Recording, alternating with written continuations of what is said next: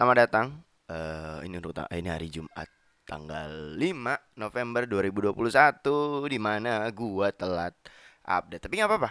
Gak apa-apa sama sekali gitu karena lu bayangin gue tuh punya dua podcast anjing seminggu tuh dua. Jadi kalaupun gua telat upload podcast itu tandanya berarti gua punya kehidupan lain selain eh, ngomong-ngomong jelas ini. So, I'm sorry for that. And then uh, gue mengucapkan turut berbelasungkawa atas musibah yang terjadi pada Vanessa Angel.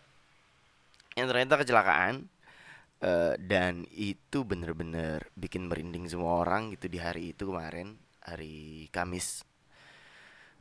Eh bikin merinding semua orang gitu. And I saw her story in, in Instagram. Ya kan itu sebelum 24 jam kan Instagramnya tuh belum dihapus ya maksudnya story Instagramnya itu belum kehapus kan. Terus pas gue lihat kayak anjir ini orang besoknya meninggal gitu loh.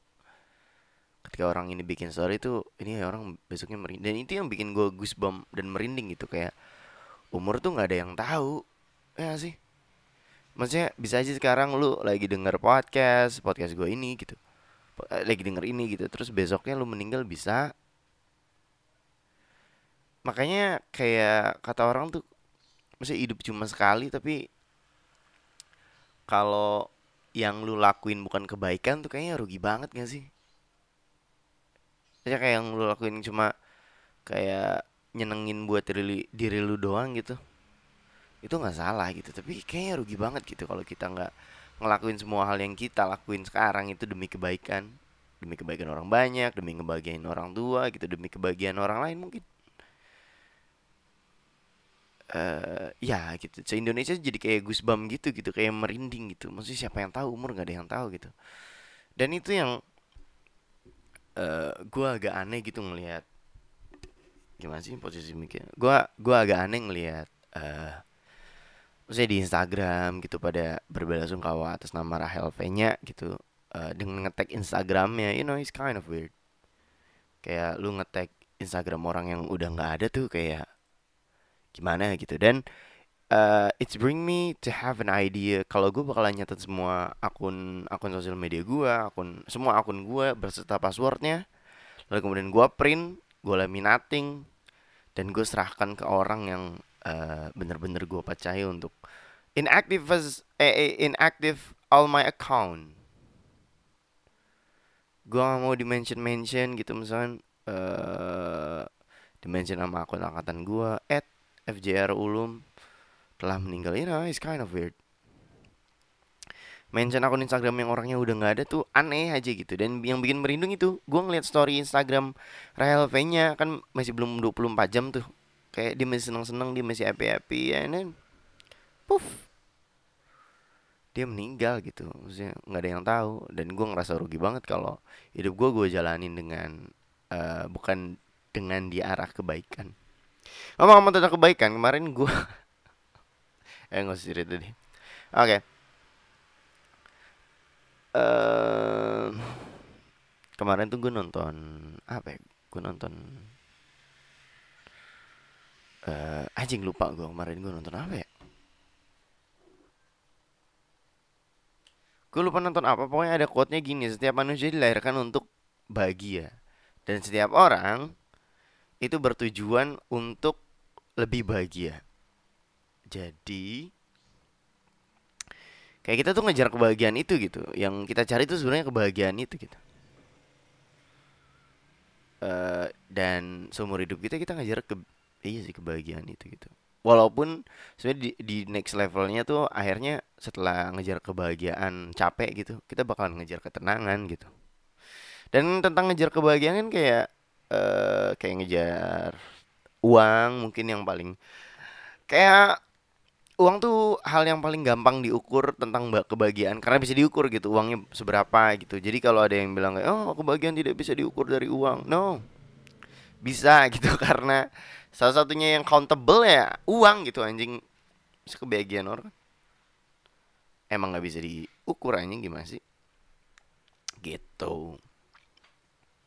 lo dalam ngejar kebahagiaan ini gitu kayak misalkan lu kerja atau mungkin eh, lu eh apa ya kerja kuliah gitu capek kan? Kadang tuh ada masa-masanya kita burn out kan. Kalau kata orang zaman sekarang sih burn out kayak bener-bener capek lah sama semuanya kayak wah fuck gitu. Uh, dan akhirnya kita kayak kehilangan motivasi terus produktivitas kita menurun dan membuat kita tidak bersemangat menjalani hidup gitu. Dan kita nggak tahu kenapa. Gak sih?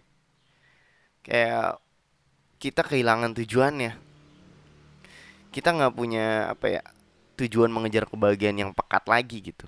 Kalau kata orang iman tuh harus dicas. Dan ini juga tujuan juga harus di reminder lagi reminder lagi. Supaya kita tetap punya semangat untuk produktif melakukan banyak hal Nah kemarin gue kan pulang ke Cirebon. Nah akhirnya gue kepikiran nih buat ngomongin ini gua, Buat ngomongin tentang zero point. Buat ngomongin tentang Apa ya Titik nol Titik nol. Maksudnya gue gak tahu berapa ya Tapi gue sendiri gue punya titik nol gue gitu Di mana Gue ingin meres, me, mereset diri gue Untuk uh, sadar kenapa gue memulai semua ini Ngerti gak sih? Misalnya lo lagi capek-capeknya gitu atau lagi kuliah lagi uh, kuliah sambil kerja gitu. Terus akhirnya kalau udah capek banget tuh yang ada di otak kayak ini gue lakuin ini semua buat apa sih? Buat apa sih? Gitu loh. Sampai hilang sendiri akhirnya tujuannya gitu. Dan mau nggak mau kan harus di restart kan. Nah kemarin tuh gue ngerasa kayak ngeriset zero point gue gitu ngereset diri gue untuk akhirnya inget tujuan gua tujuan awal gue tuh apa? Tujuan awal gue kenapa gue kuliah atau mungkin tujuan awal gue kenapa gue sekarang ada di sini? Kerja keras banting tulang gitu. Kemarin gue pulang seperti yang gue ceritain sebelumnya di episode sebelumnya gue gue pulang ke Cirebon. Gue berangkat dari sini jam berapa setengah satu kali jam satu setengah satu lah. Tapi hujan gede banget gitu belum nyampe 10 kilometer gue tadinya mau mutusin buat balik apa balik aja? Anjing hujan gede banget gitu. Tapi kalau hujan gede banget kan walaupun pakai jas hujan juga tetap bakalan kebasahan gitu bahaya juga. Jadi akhirnya tapi tetap gue apa namanya gue lanjutin perjalanannya. Setengah tiga tuh bener-bener baru lancar tuh gue perjalanan Cirebon jam 9 malam. Agak menakutkan sebenarnya di Pantura malam-malam. Cuma ya ya udahlah. Gitu. Gue aja sampai lupa kenapa gue nggak mau lewat Pantura malam-malam gitu. Jadi tapi pas gue lewat Pantura malam-malam tuh kayak inget eh anjing gara-gara ini nih. Kayak gelap banget kiri kanan gak ada perumahan. Kalaupun ada perumahan tuh agak jauh dari jalan utama gitu lah pokoknya. Serem-serem tapi ada juga temen gue yang seneng night riding kayak gitu aja bingung gue takut gue mau berhenti di tengah eh di pinggir jalan juga nggak bisa kan lebih serem dan uh, nakutin juga takut ada penjahat atau begal kan. Jadi ya gitulah akhirnya gue balik uh, gue untuk ngurus beberapa dokumen yang harusnya diurus. Uh, bayar pajak. Be beberapa kayak bayar, bayar pajak dan ke kota juga maksudnya eh ke kota ke apa namanya? Ke kantor pusat pemerintahan. Ke kantor pusat pemerintahan yang ada di Cirebon gitu kependudukan yang mana ternyata rating kantor pemerintahan tersebut adalah 3,1 dan ketika gue bilang ke teman-teman gue katanya oh ya emang lembaga pemerintahan mah emang uh, ratingnya kecil-kecil gitu. Dan rating lembaga pemerintahan itu kan 3,1 di Google. Itu gue kira kayak cuma 15 orang doang yang review. Ternyata ada 400an yang review dan memberikan 3,1 uh, bintang. Eh, dan bintang rata-rata 3,1 dan itu yang membuat gue berpikir apakah rating ini efektif gitu. Maksud gue uh, we have no other choice selain datang ke sini gitu dan membuat membuat ini semakin powerful anjing gitu loh. Maksudnya mau nggak mau kita tetap harus datang ke ini gitu. Tapi kualitasnya tetap nggak ditingkatin ngerti nggak sih? Jadi yang absolut tuh emang nggak pernah benar uh, apa teh kata kata apa ya katanya? Absolute power uh, bla bla bla. Ah lupa gue ya pokoknya itu. Ah, eh yang absolut absolut emang nggak pernah bener lah. Nggak ada yang mau monitoring anjing kita maksudnya itu kan gue baca review-reviewnya kan di di Google itu di Google Maps gitu. Tentang tempat lembaga pemerintahan itu kan. Banyak juga yang yang ini yang apa namanya? Yang protes kayak pelayanannya lama inilah itulah itulah. Eh pas gue dateng juga baik sih baik gitu tapi secara pelayanan mah jauh dari angka 4 gitu loh. Jauh dari angka 4 dan karena ini lembaga pemerintah yang sifatnya absolut eh absolut lagi absolut ya kita nggak bisa ngapa-ngapain gitu selain nulis review di Google gitu. Dan menurut gua harusnya Google ini jadi cerminan untuk uh, apa ya solusi kinerja pemerintah gitu. Itu harus ditransparanin gitu. Kalaupun ada lembaga pemerintah yang ratingnya di bawah 4 itu harus dipertanyakan dan harus diperbaiki. Ini 3,1 anjir bahkan kemarin-kemarin pernah gue ngecek uh, lembaga lain gitu di Kabupaten Cirebon juga itu di bawah tiga. Yang mana kayak ah gimana ya? Berarti lebih banyak kecewanya gitu daripada Maksudnya kafe yang baru buka juga nggak serendah itu kali. Ininya. Sistem rat sistem rating dari masyarakat emang penting banget sih maksud gue uh, ya iris what gitu. Itu itu yang dialami atau itu yang dirasakan oleh masyarakat gitu tentang lembaga pemerintahan ini. Uh, ya akhirnya gue balik gitu gue cuma tiga hari di sana. Kehitungnya tiga hari atau enggak ya? Sebenarnya sehari sih sehari doang. Jadi Kamis gue pulang Jumat gue ngurus-ngurus uh, terus hari Sabtu gue udah balik lagi ke sini gitu. Jadi bener-bener tough lah. Dan gue ngambil cuti di weekdays kan karena emang uh, lembaga-lembaga kayak itu kan emang apa namanya emang bukannya di weekdays gitu di sabtu minggu tuh nggak ada jadi emang harus ngambil cuti weekdays. Terus uh, dan ini berbanding jauh dengan kantor pajak yang gue datangi gitu. Kantor pajak tuh kayak ah selamat datang bapak. Ada yang bisa dibantu. Gitu. uh, ya mau bayar pajak. Oh silahkan ke loket ini. Ke loket itu terus habis itu mohon maaf pak harus ada fotokopiannya. Dan di dalam kompleks itu juga udah ada fotokopiannya. Dan nyaman gitu maksud gue Enggak ini bukan kayak fotokopian di luar, maksudnya di dekat tapi di luar enggak, beneran di di dalam gedung itu gitu. Ja, da, dari gue disuruh fotokopi itu kelihatan tuh tempat fotokopiannya gimana. Itu gue tinggal ke situ tuh. Ke situ fotokopi bayar kelar terus habis itu balik lagi ini fotokopiannya. Aman gitu nggak. Gue ngerti sih kenapa pajak tuh bener-bener jadi hal yang bener-bener ditingkatin tapi untuk pengurusan yang lain tuh enggak aduh gak ngerti sih kok tapi ya berikutlah kekecewaan gue tentang ini. Ya intinya gue balik gue ngerasa uh, banyak banget sebenarnya momen-momen dalam hidup gue ketika gue harus ngeriset diri gue gitu.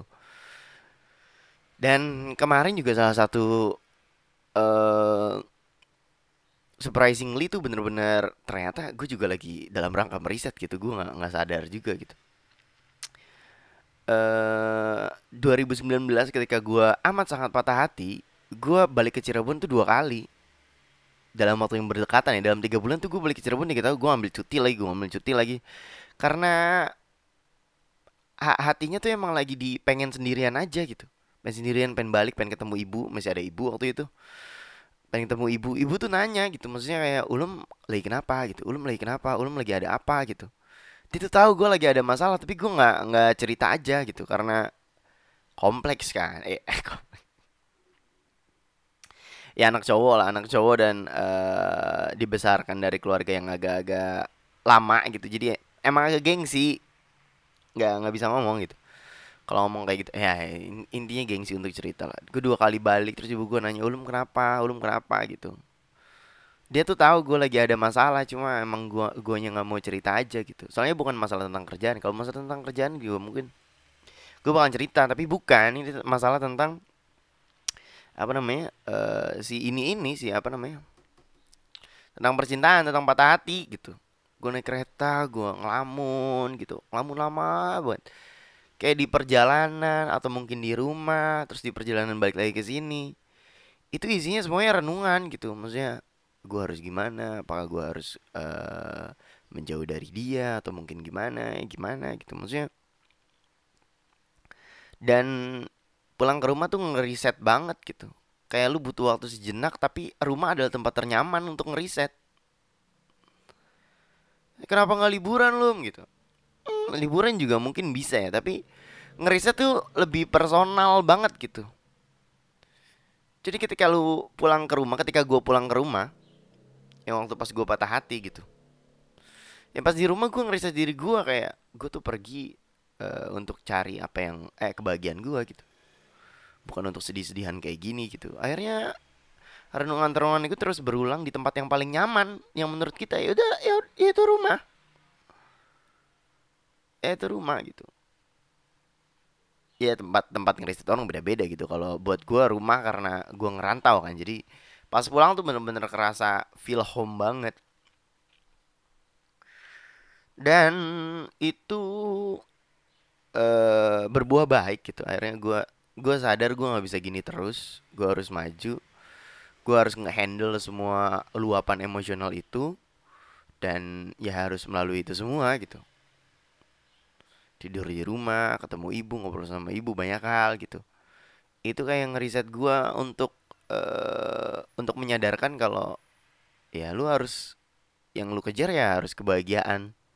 Itu gitu nggak boleh nggak boleh sedih dan lain-lain gitu. Sedih itu cuma sementara gitu abisin sedihnya dan lain-lain. Pokoknya banyak lah renungannya. Ya mungkin uh, banyak dari kalian juga yang mungkin kalau dibilang me time kayaknya enggak ya. Zero point tuh lebih personal banget kayak memperbaiki mental lu kayak ngeperbaiki tujuan awal lu tuh apa gitu buat kuliah atau mungkin tujuan awal lu tuh apa buat kerja gitu. Memperbaiki itu. Dan kemarin ketika gue pulang juga gue ternyata ngeriset diri gue juga gitu. Gue me melakukan zero point atau mengenolkan diri gue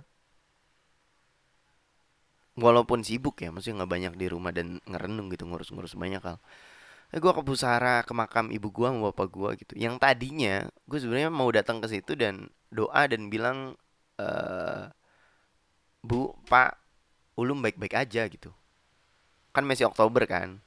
Uh, jadi ulum uh, tahun ini 2020 eh 2022 tahun. Dan alhamdulillahnya ulum baik-baik aja. Tadinya mau ngomong gitu doang. Tapi akhirnya di makam itu gue nangis lumayan kenceng ya agak memalukan sebenarnya. Ibu gue juga tahu sebenarnya gue orang anak yang agak cengeng dan dia ngerti gitu.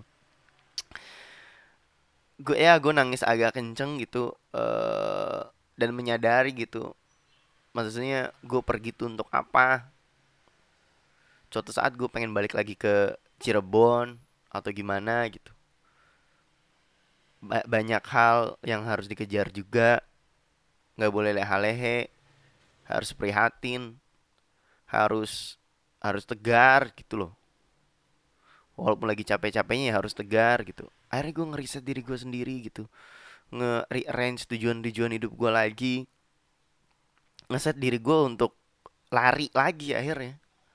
Yang tadi cuma hehe jadinya kayak lebih mikirin uh, oh ya gue hehe tapi gini gini gini gini.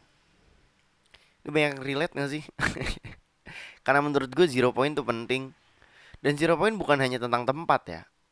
Mungkin tentang quote. Bisa juga lu kayak ketika melihat quote itu lu jadi sadar tujuan awal lu tuh apa gitu. Dan salah satu dari zero point gue adalah gue mengunjungi tempat kopi yang dulu pernah gue dan teman-teman gue yang di Cirebon itu Santroni eh Santroni apa namanya uh, mampi uh, mampiri apa sih? Apa ya namanya? Kunjungi ya kunjungi.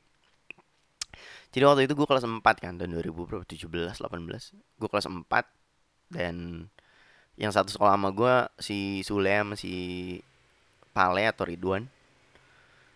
Gue berempat eh gue berempat. Gue kelas 4 bareng mereka bertiga terus ada beberapa ada yang teman-teman SMP gue kan. Semuanya itu teman-teman SMP gue tuh di situ.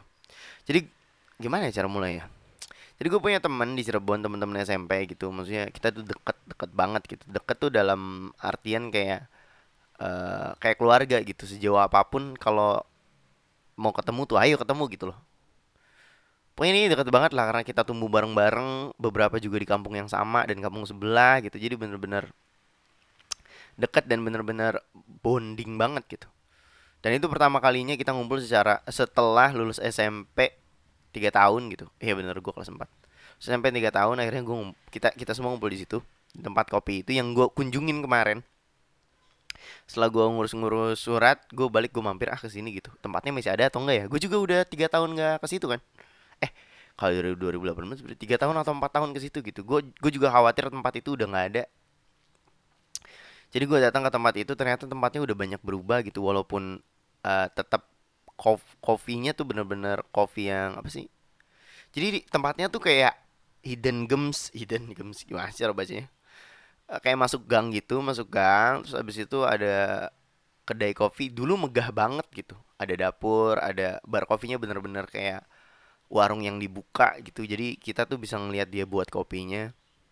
Dan dari biji kopi bukan kopi kekinian ya. Dari biji kopi gitu kopinya eh biji kopinya kita bisa milih apa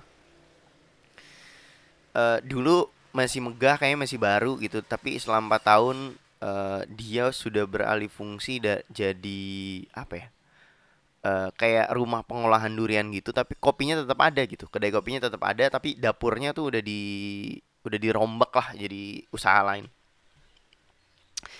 Jadi gue datang ke situ itu adalah tempat pertama kali kita ngumpul lagi selama eh setelah lulus SMP setelah lulus SMP gitu dan di situ kita ngomongin banyak hal gitu. Tiga orang dari kami masih kelas 4 gitu karena semakbo karena empat tahun SMK-nya dan sisanya itu uh, baru keterima di PTN PTN dan kampretnya. Si anjing-anjing ini emang teman-teman gue ini hebat. Semua itu keterima di PTN anjing emang. Gak ngerti gue bikin gue insecure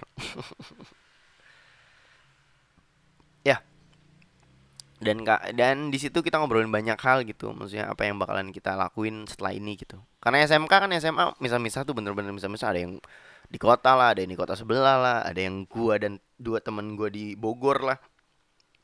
Jadi emang jauh. Di situ kita ngobrolin banyak hal tentang bagaimana ke depannya dan tahun-tahun berikutnya tuh uh, masih sempat ngumpul lagi setelah Lebaran gitu karena silaturahmi aja gitu dan karena itu tempat pertamanya ya jadi obrolan yang sering kita bahas adalah gimana caranya kita berguna di masyarakat. Buat apa kuliah jauh-jauh? Buat apa uh, pendidikan tinggi-tinggi? Buat apa punya pengetahuan yang banyak kalau nggak berguna di masyarakat? Itu adalah tema yang sering kita bahas di situ gitu. Kayak banyak rencana kayak uh, mau bikin yayasan. Kayak temen gua udah mulai akhirnya uh, untuk nyebarin awareness kalau dia tuh mau bikin yayasan, mau bikin sekolah pendidikan karakter. Intinya bagaimana apa yang kita peroleh dari luar itu berimpact pada lingkungan sekitar gitu. Yang mana itu tujuan awal kami semua pergi dari situ. Sih ada yang kuliah di mana, kuliah di mana, sekarang kerja di mana, ini di mana. Setelah dapat ilmu, setelah banyak pengalaman, kita tuh pengennya pulang. Memajukan uh, wilayah kita gitu. Intinya ilmu banyak kalau tapi nggak bermanfaat tuh nggak usah deh. Nggak usah nggak usah kuliah jauh-jauh deh. Kalau kalau tetangga lu sendiri masih susah atau nggak dapat manfaat dari lu gitu gitu.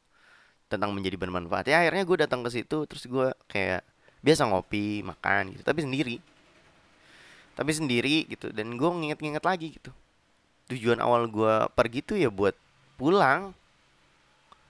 Tujuan gue dan teman-teman gue pergi nih dari kampung halaman yang ngerantau-ngerantau ini ya buat pulang dan berguna di masyarakat gitu. Suatu saat kita bakalan pulang kita bakalan bawa sesuatu hal yang benar-benar memberi gebrakan dan berguna bagi masyarakat. Mungkin kedengarannya naif kan? Naif banget Gitu waktu itu berarti kelas 4 tuh gue umur 17 tahun, 17 tahunan. 17 tahun. Kita ngomongin kayak gitu tentang kita tuh pergi tuh buat kembali gitu buat memajukan masyarakat sekitar gitu.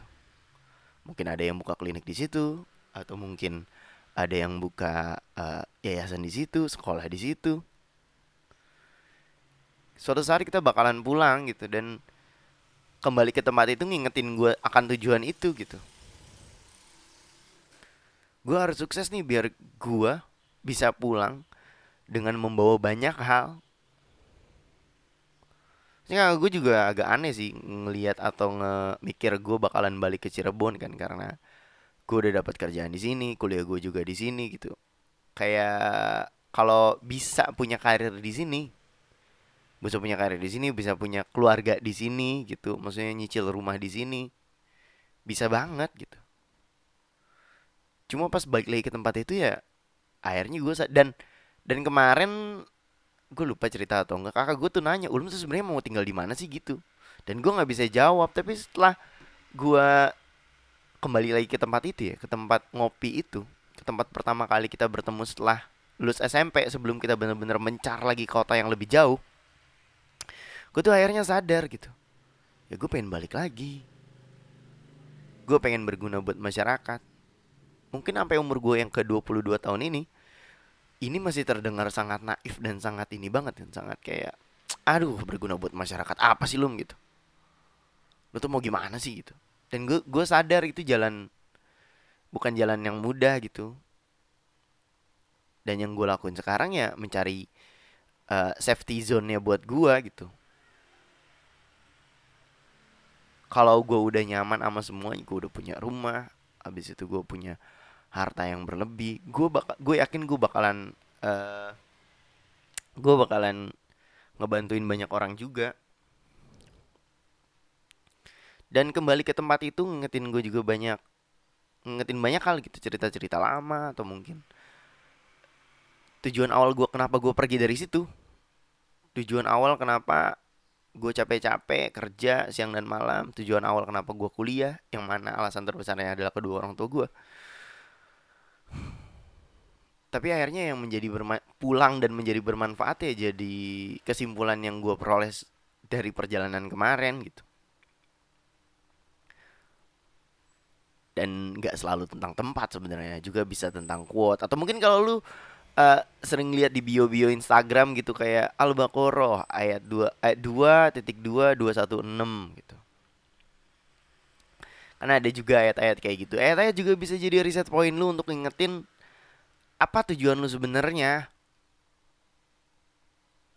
Bisa juga lu nyimpen foto orang tua lo di dompet untuk ngingetin kalau ya tujuan lu sekarang adalah ngebahagiain foto dua orang ini gitu ngebahagiain dua orang yang fotonya ada di dompet lu gitu.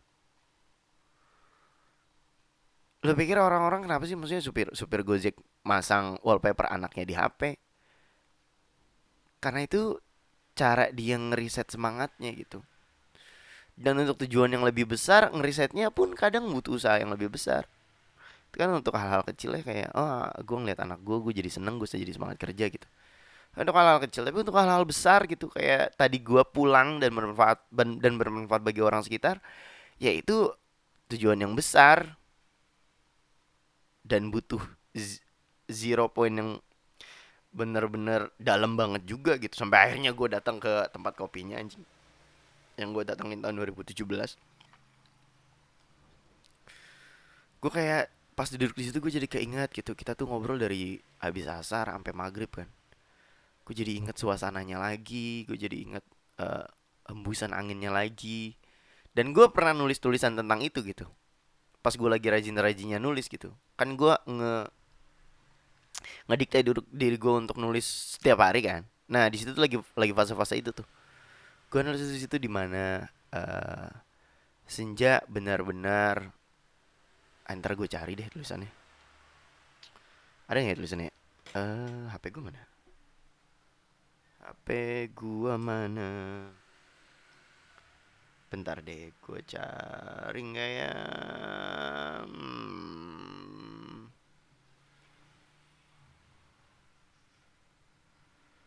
Uh, ada nggak nih? Bentar ya. Uh, ini. Potongan kecilnya aja kali ya, potongan kecilnya aja deh. Potongan kecilnya Aku ingin berdua denganmu di antara daun gugur Lagu resah payung teduh. Indah piawai bersautan dengan sukacita rindu yang akan bertemu ujungnya. Lirik di atas mewakili banyak kalimat senyap teriak hati Katanya gitu. Jadi bener-bener Di bawah pohon Terus pohon-pohon berguguran Kan sore-sore. Dan itu kan di dalam gang kan Jadi nggak Kayak nggak dapat sunset Tapi kita dapat lembayung yang bener-bener indah banget gitu maghrib bersa apa suara azan maghrib juga bersautan gitu bener-bener. Momennya tuh ngebawa gue kembali gitu dan itu zero point gue yang kemarin gue dapet. Gue gue ngeriset diri gue gue bakalan nge apa namanya yakinin diri gue untuk nggapai apa yang seharusnya gue kejar dan gue cari dan alasan kenapa gue ninggalin kota itu gitu. Udah segitu mungkin dari gua gitu mungkin nggak terlalu panjang karena gue juga harus berangkat kerja thank you yang udah dengerin. Terima kasih atas uh, atas apa? Eh jangan lupa follow tuh di Spotify ada tombol ikuti. Semoga kalian dalam keadaan baik-baik saja. Bye